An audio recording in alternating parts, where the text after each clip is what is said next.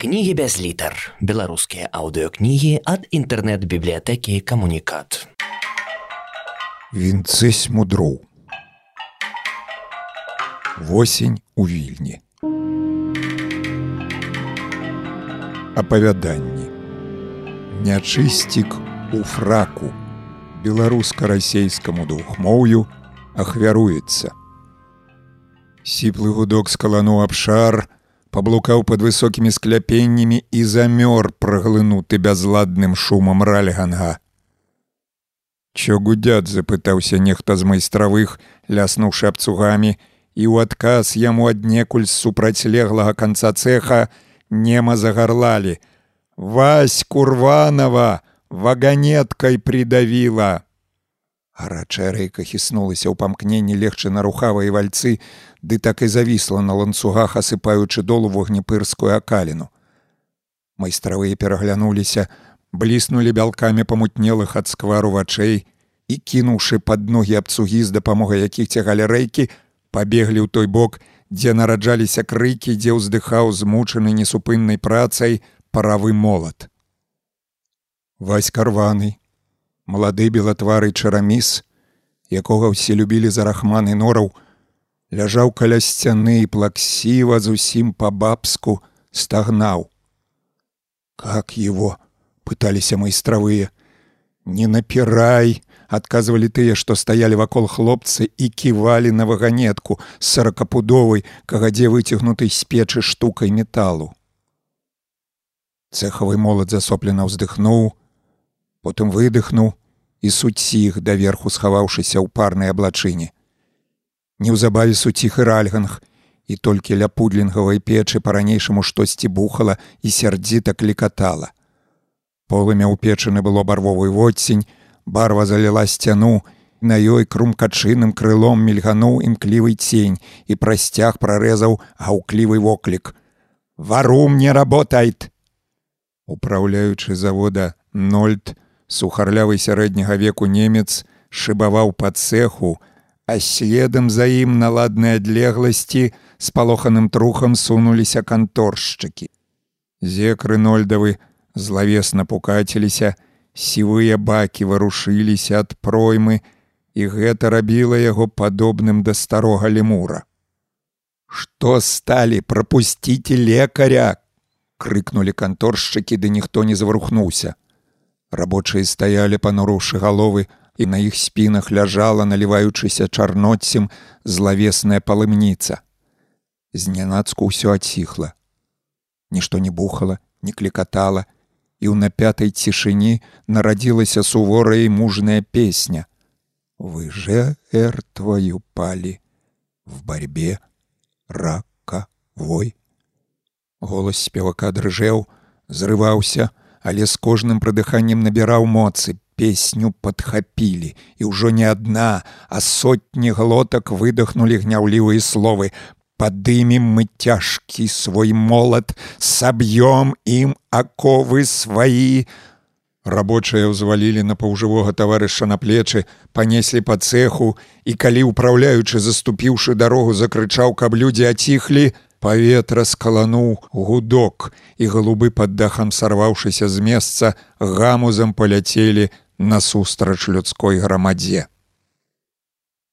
Нікандар Іванович Лапахін, фабрыкант з сорокатысячным гадавым доходам, прачнуўся раніцою сваім кабінеце і доўга не мог уцяміць, дзе ён, што з ім, І што гэта за жанчына стаяла на тле асветленага акна. Фабрыкант працёр вочы, лыпнуў павекамі і ўбачыў, што поруч на прыканапным століку грувасцілася пляшка помарда, якую ён прызнаў быў за жанчыну. Дрыжачая рука намацала пляшку, шурпатыя вусны прыпалі да рыльца, і віно прыемнай цеплынёй напоўніла страўнік. Фабрыкант задаволена адрыгнуў, расчасаў пяцярнёй з лямчаною бараду і толькі тады заўважыў, што спаў нераспранены у новым прывезеным з парыжа сурдуці і ў перапэцканых у гліну ботах. Гліна была мандрыкаўская, густая з чырванаватым адценнем, а гэта сведчыла за тое, што учора ён сустракаўся не толькі з мацільдай, але і з кацькай.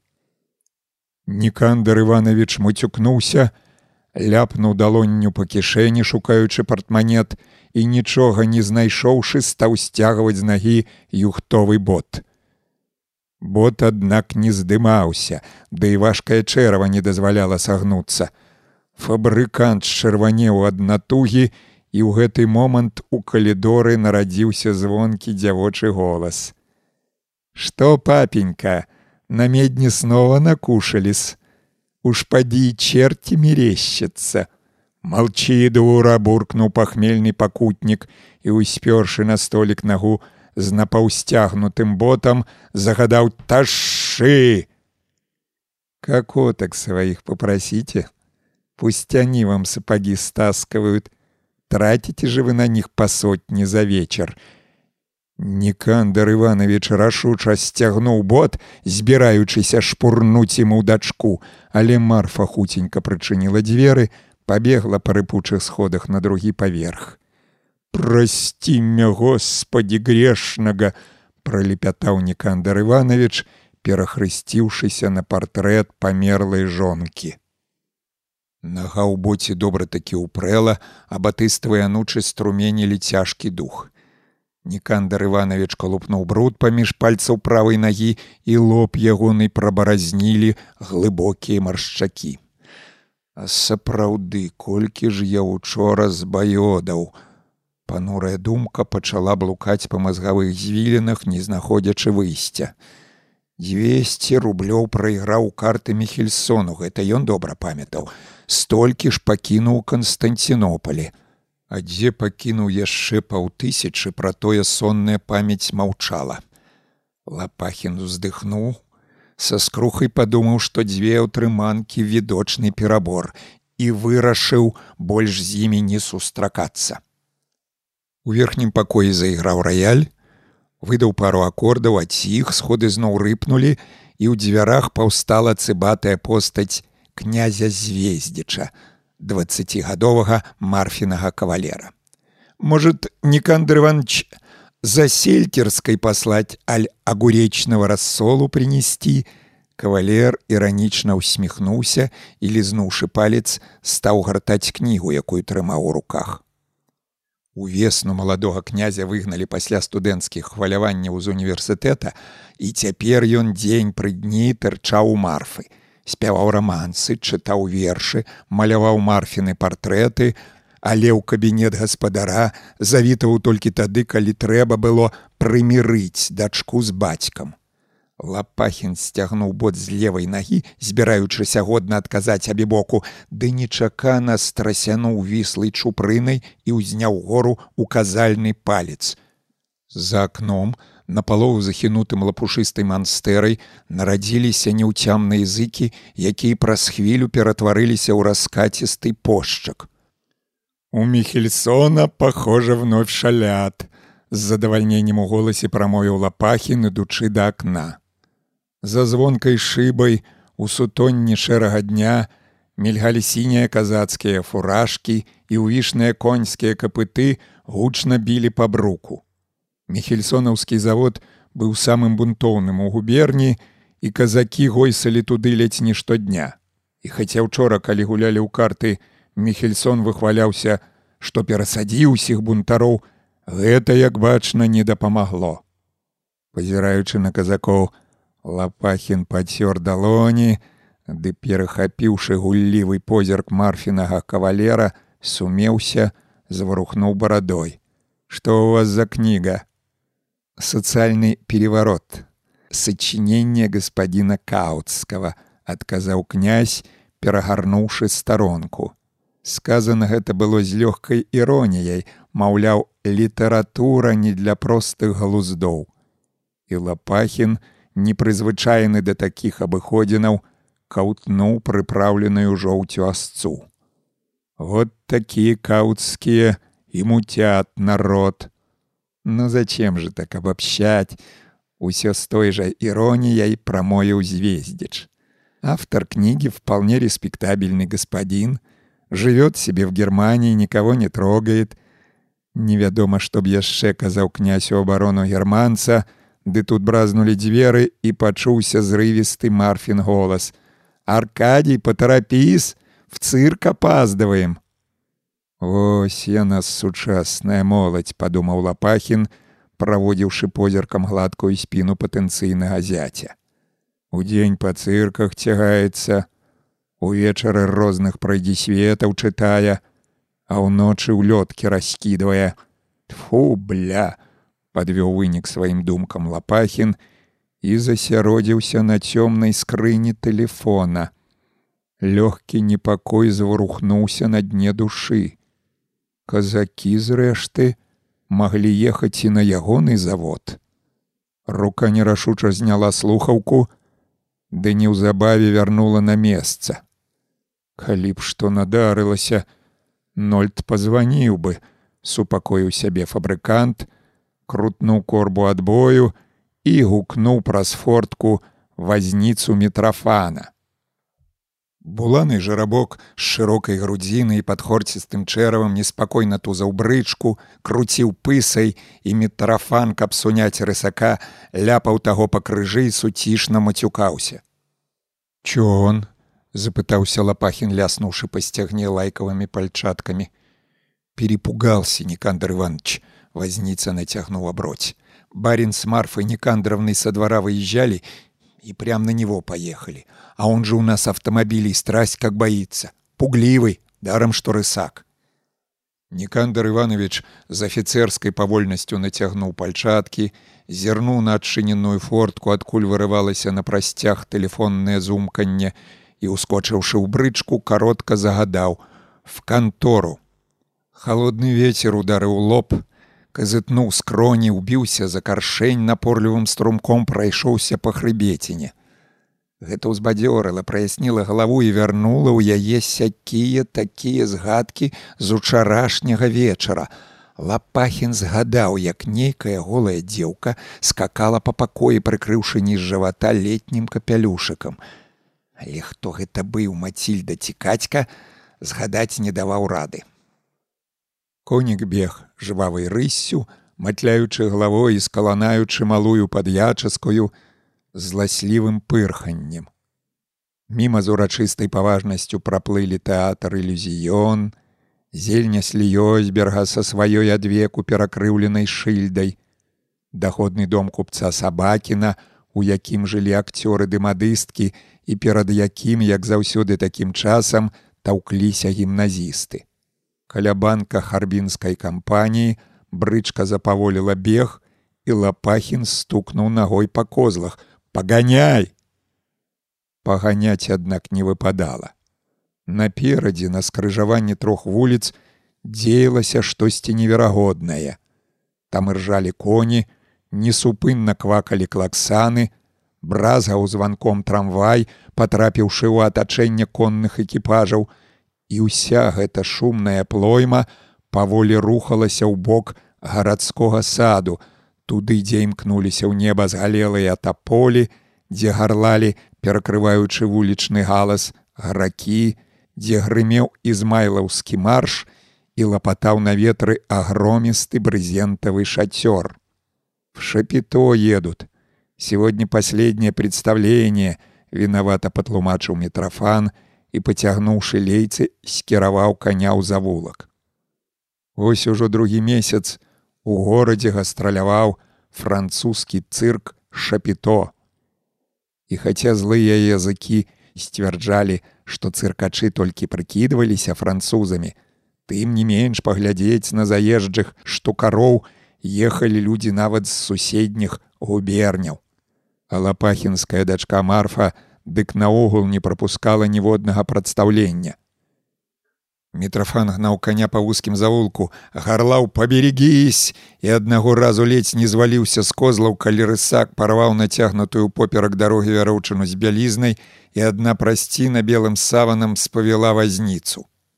Пазіраючы на мітрафана, які пнуўся вылезці з савана, Можна было памерці са смеху, але лапахі на дно мацюкнуўся і выцер канцом прасціны мыскі юхтовых ботаў.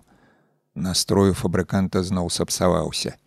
Ён прыгадаў, як абібок звездзіч падбіваў марфу паступаць на нейкія курсы і, уявіўшы сваю дачку стрыжанай інстытуткай, сцягнуў з рукі пальчатку і пацёр на пятую скуру на лбе.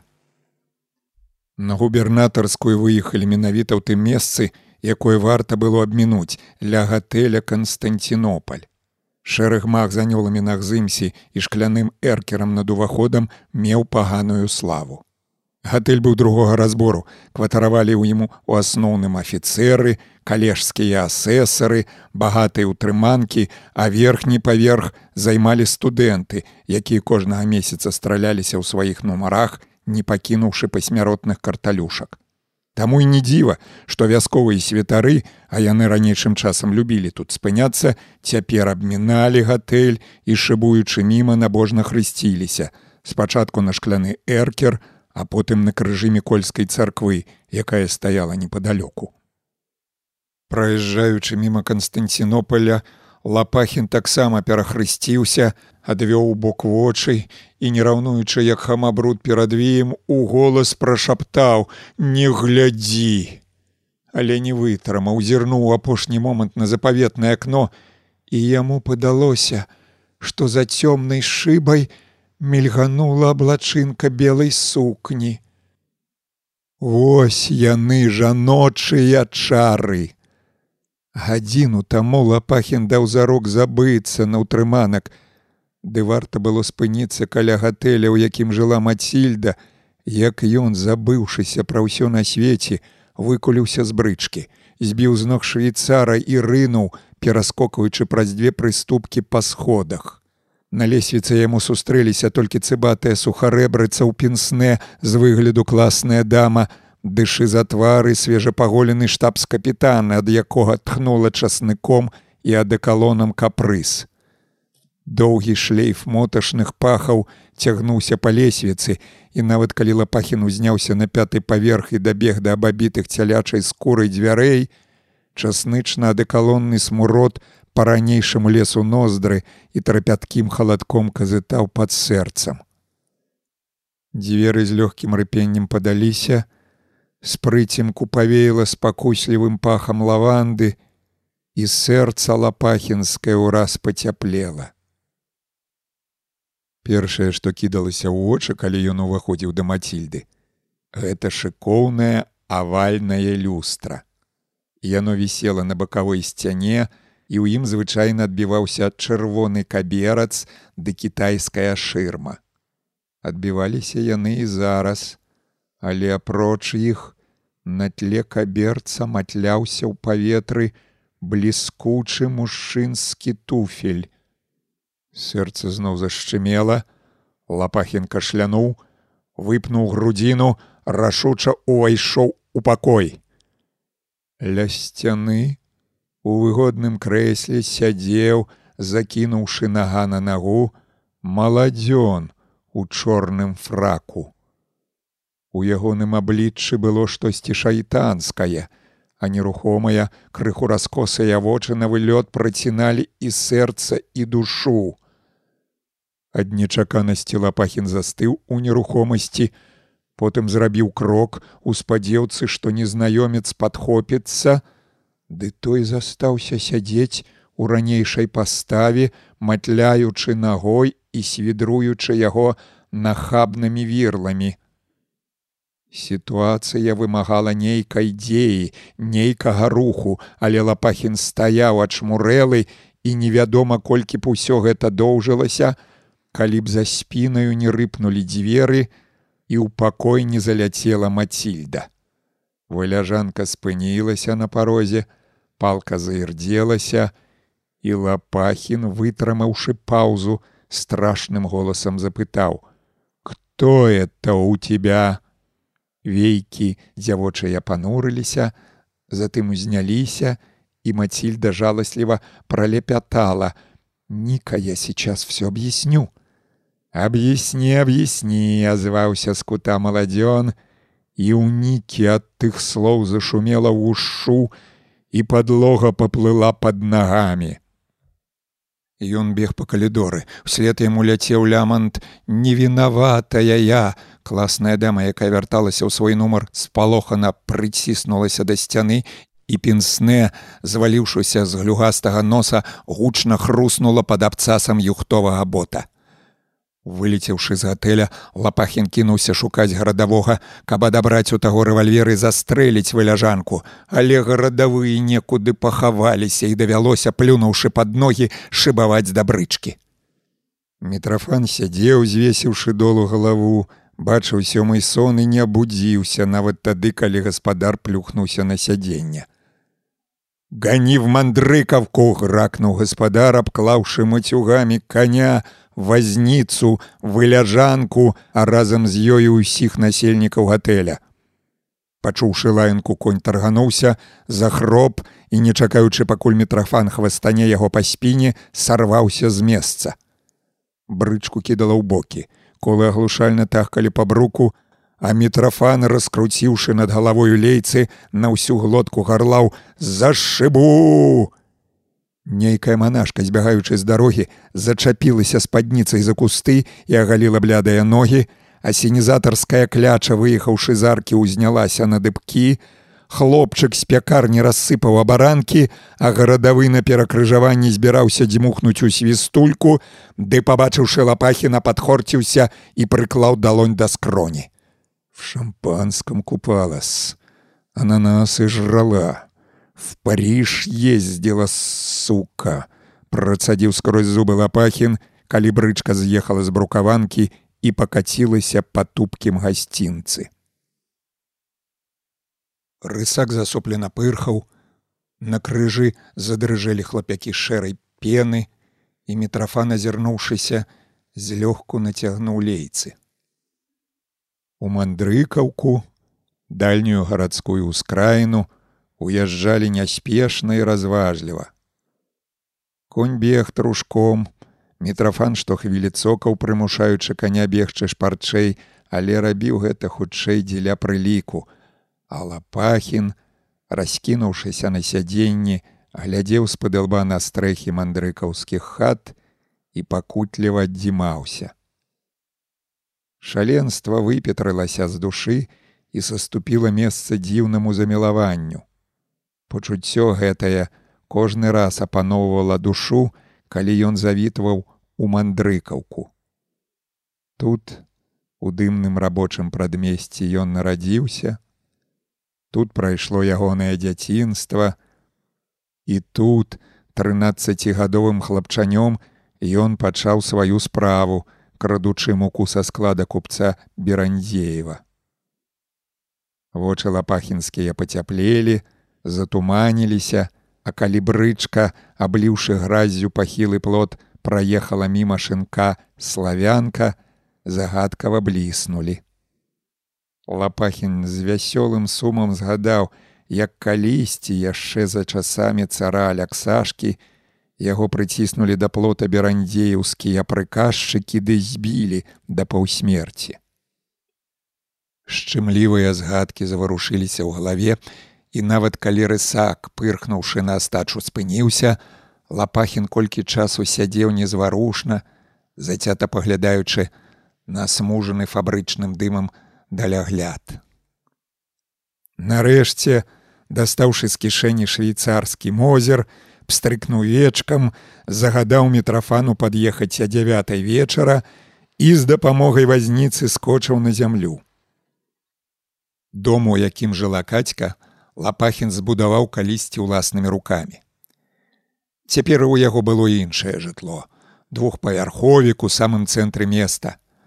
А тут, у прысадзістай камяніцы з высокім мезанінам месціліся, змяняючы адна другую лапахінскі ўтрыманкі. Дом стаяў у нізкім месцы, на гліне, уся навакольная гразюка сцякалася сюды, гучна чвякала пад нагамі, Языкі гэтыя нарадзілі ў душы трывожнае пачуццё. Яму падалося, што кацька не адна. У цёмным калідоры пахла рыбнымі перагамі, на кухні бразгалі рондалі, і ў прадчуванні смачнага абеду лапахін пацёр вільготныя далоні. Ён зайшоў у вітальню, каб прычасацца ля люстра і аслупянеў. Пасярод вітальні у мяккім крэсле сядзеў, закінуўшы нага на нагу той самы фацэт. Лапахін прымружыўся, страсянуў галавой, але відзежа не знікала. Фацэт матляў правай ногой, міргаў левым вокам, фанабэрліва пасміхаўся і страшная згадка працяла свядомасць. Перад ім сядзеў дэман. Лапахін падаўся задам, стукнуўся па тыліцы аб дзвярны вушак. Праз хвілю небарака ўжо бег па гразкай вуліцы, мармытаў ойча наш і бясконца хрысціўся. Вочы шукалі людзей. Між тым на вуліцы было пустэльна, і толькі ля славянкі варушыліся няўклюдныя постаці і чулася п'яная гамонка. Фацэту фраку быў безумоўна нячысцікам бо толькі яны могуць вомігам пералятаць з цэнтра места ў мандрыкаўку. І хацела пахін пераконваў сябе, што нячысцік яму прымроіўся, як таму мехельсону, які пасля запою бачыў чарцей на дроце. Усё адно душа была не на месцы, і замешаны на пякельнай рэўнасці непакой млоснай немаччу разліваўся па целе. Каляганка славянкі раўневец спыніўся ў памкненні вярнуцца да кацькі ды разабрацца з нячысцікам, але падумаўшы, вырашыў зайсці ў шынок і прапусціць дзеля смеласці чарку гарэлкі. Пятнаццаць гадоў не завітваў у славянку, а ў шынку між тым нічога не змянілася. Тут па-ранейшаму кісла пахла ўчынай, Пад скляпеністай столлю вісела шызая махорачная аблачына. Слізкая падлога, як і 15 гадоў таму была засмечана яечнымі шалупайкамі, а між сталоў усё з тым жа імпэтам лётаў афіцыянт Васька, галава якога канчаткова аблысела і адбівала блікі ўсіх чатырох газавых ражкоў, якія віселі пад столлю. Жыццё ў шынку ішло сваім ладам. Два падпітыя майстравы аб нечым зацята спрачаліся. Кудлаты тыпус, відавочна попрастрыга спаў, абхапіўшы піўную бочку.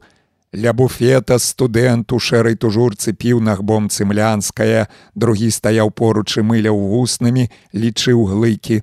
А ў далёкім куце нейкія цыганістыя хлопцы, няйначай канакрады, уздымалі чаркі, бязладна падпяваючы шаляпіну грымучы голас якога вырываўся з раструба музычнай скрыні манатон.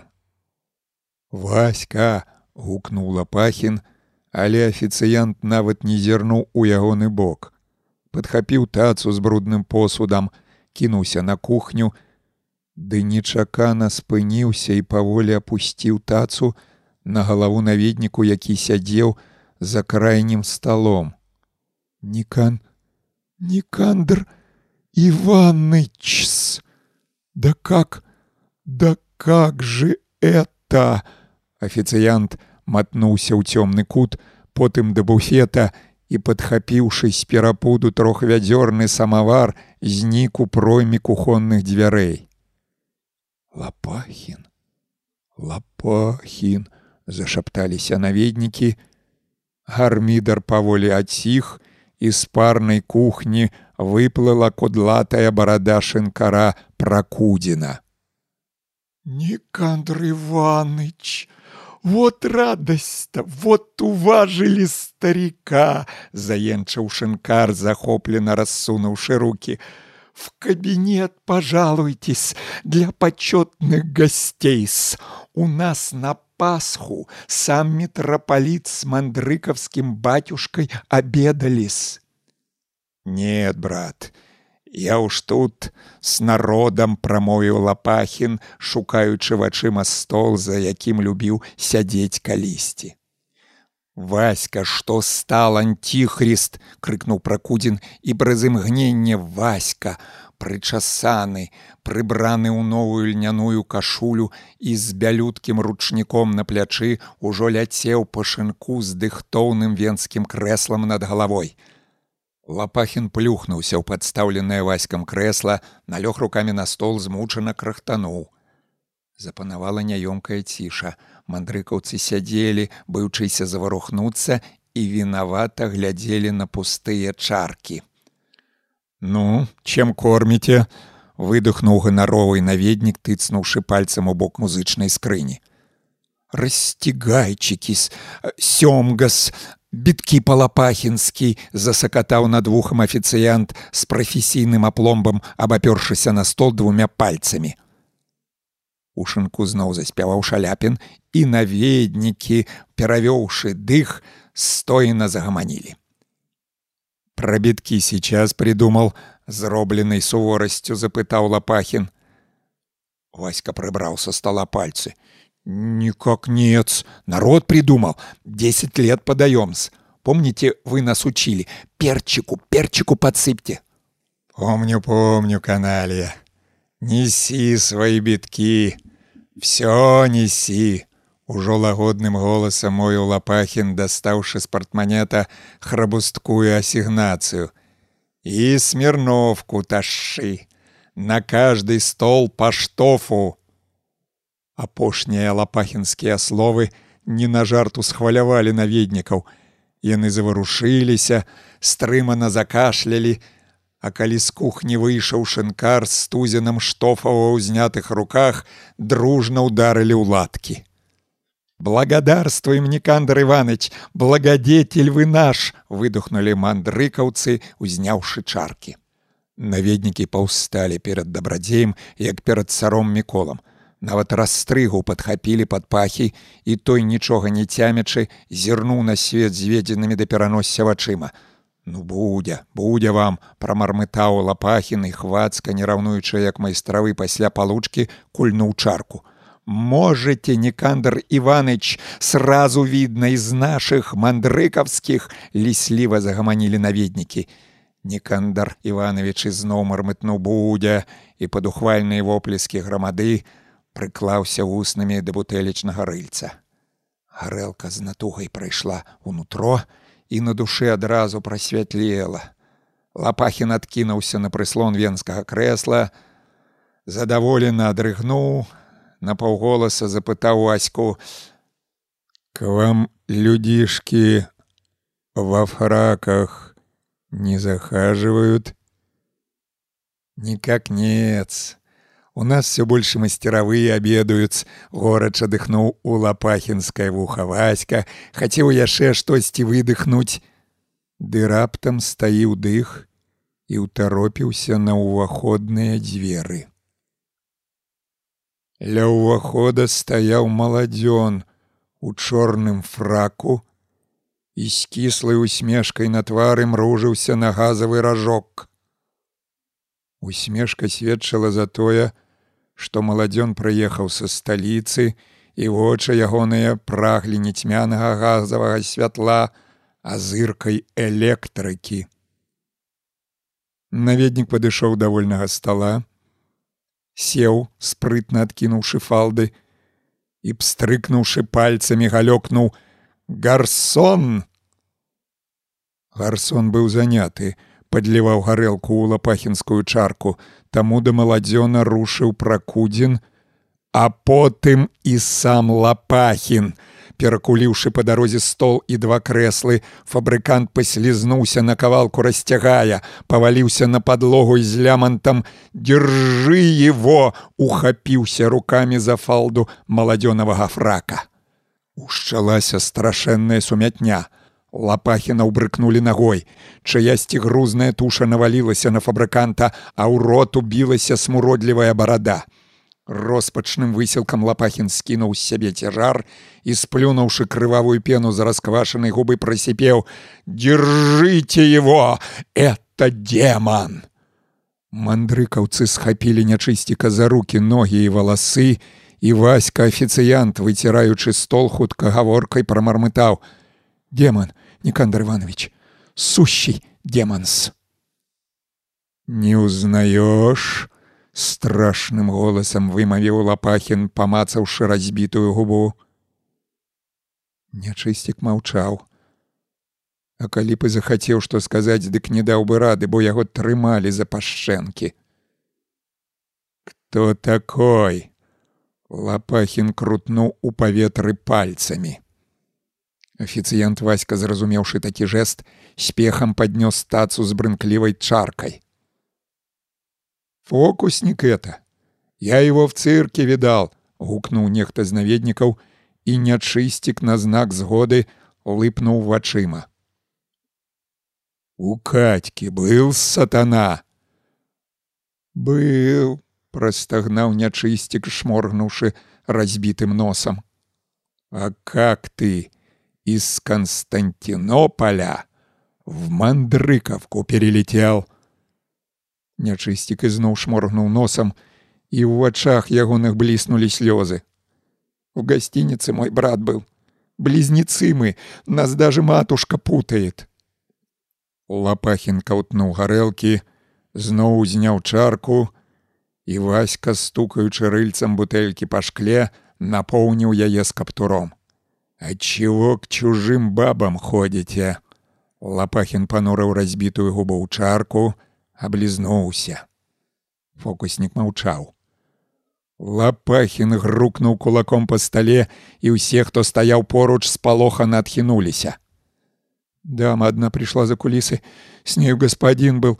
Говорят, посидите пару часов у двух девиц. По пятерке нам дали. И антрепренеру отстегнули, чтобы с представления отпустил. Завезли на авто, Девицам сказали, что мы из жандармерии социалистов ловим. Дама в розовом платье была, перабіў Лапахін і, не чакаючы адказу сіпла і страшна працадзіў: Убью обоих. Не губите, матушка у нас больная, сестрица инвалид, в приют определили, да не тебя, дурак, перакрывіўся Лапахін і загадаў адкаснуцца ад фокусника. Выпіўшы на пару з цыркачом што в смірноўкі, дарэшты ўпіты фабрыкант працяўся до субяседніка шчырай спагадай, назваў таго лепшым сябрам і, паклаўшы важкую руку на сябрукоў карак прогугніў: « Хочаш завтра жыню на кацькі. Не могу.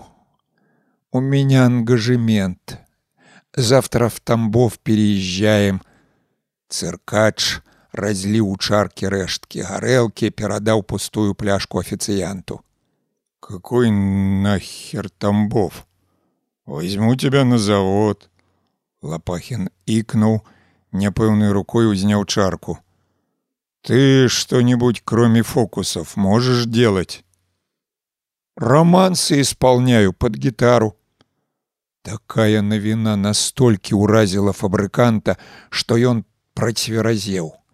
Пакруціўшы галавой у пошуках афіцыянта, фабрыкант чарговым разам грукнуў кулаком па стале і нема загарлаў: Васька, чорт лешай гітару! Гітара, парэпаная, зацяганая, з бруднай жычкай на грыфе з'явілася на дзіва хутка. Цыркач правёў пальцам па струнах, крутнуў калок, запытальна зірнуў на фабрыканта. Чё тебе надо, знаешь? Запанавала ціша. Толькі на кухні скверчэлі шанішкі, ды ў дальнім куце надрыўна хроп расстрыга, але і той аціх абуджаны хвацкім штурханом. Першы зык атрымаўся на пяты як струна, але затым голас разняволіўся, залунаў над прыціхлай грамадою. Толькі цяпер зразумеў лапахін, чаго прасіла душа. Душа прасіла песні, бязмежнай як стэп і праўдзівай як сама праўда. Цела стала лёгкім, сэрца сцялася, нібыта ад поціску жаночых рук, пякучыя слёзы перацялі дыхання, і фабрыкант мільёншчык, каб канчаткова імі не задыхнуцца і рвануў на грудях кашулю і далучыў свой дрохкі барытон да высокага фальцэту спевака. Ты скажы, Ты скажи, чё тебе надо, чё тебе надо, может дам, может дам, чё ты хошь. Лапахін заплюшчыў вочы, забыўшыся на свае трывогі. А калі пасля другога рэфрэну перавёў дых і размежыў павекі, дык убачыў, што фокуснік пакінуў граць і па прыкладу афіцыянта утаропіўся на дзверы. На парозе, насунуўшыся плечуком на дзвярны вушак, стаяў упраўляючы нольд. Нольдавы валасы злавесна стаўбурыліся, На лбе чырванеў вялізны гузак, рукаво форменнай тужуркі было надарванае, і ўсё гэта наводзіла на думку, што немца хвіліну таму выцягнулі з-за шмаргі. Озеркі іх сустрэліся, і немец задыхана прастагнаў: Нікандр Іванович, бунт, социалисты, завод подожгли, и меня немножечко убивает. Усе, хто быў у шынку, зірнулі на фабрыканта. Такую песню испортил дурак. Паўтарыў лапахін фразу, пачутую надоечы ў тэатры, наваліўся на стол і, абхапіўшы рукамі голаў, закалаціўся. Ці то ад смеху, ці то ад роспачнага плачу.